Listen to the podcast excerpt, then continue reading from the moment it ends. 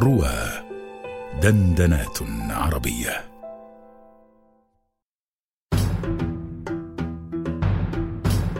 القصائد الرمضانية مع محمد حجاج على رواه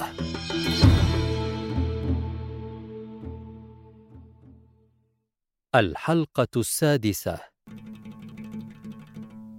الشيخ الأكبر محيي الدين ابن عربي محمد ابن علي ابن محمد ابن عربي الحاتمي الطائي الأندلسي أحد أشهر المتصوفة. لقبه أتباعه وغيرهم بالشيخ الأكبر وتنسب إليه الطريقة الأكبرية الصوفية. ولد في مرسية بالأندلس في شهر رمضان عام 558 الموافق 1164 يعني قبل عامين من وفاة الشيخ عبد القادر الجيلاني. توفي في دمشق عام 638 الموافق 1240 ميلادية. ودفن في سفح جبل قاسيون. يقول من المتقارب أهل الهلال لشهر الصيام وشهر الزكاة وشهر القيام فصام الحكيم على اسم الصفات وأفطر ذاتا بدار السلام. وقال أنا الحق فاستمعوا بنور التجلي وحس الكلام. تعالى الهلال بأوصافه على بدره الفرد عند التمام.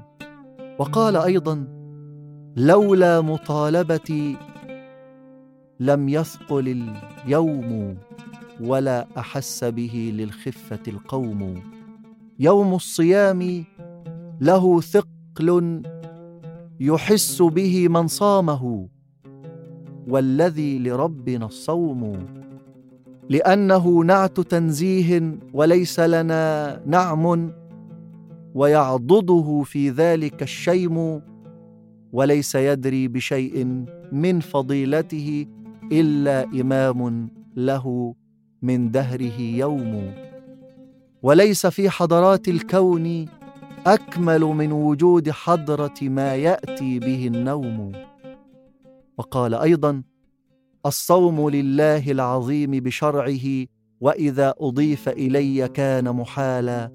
الصوم لله الكريم وليس لي لكن إذا ما صمته وتعالى. عن صومنا فيكون ذاك الصوم لي نقصا وفي حق الإله كمالا. إن الصيام له العلو جلالة إن الصيام له العلو جلالة. صام النهار إذا النهار تعالى.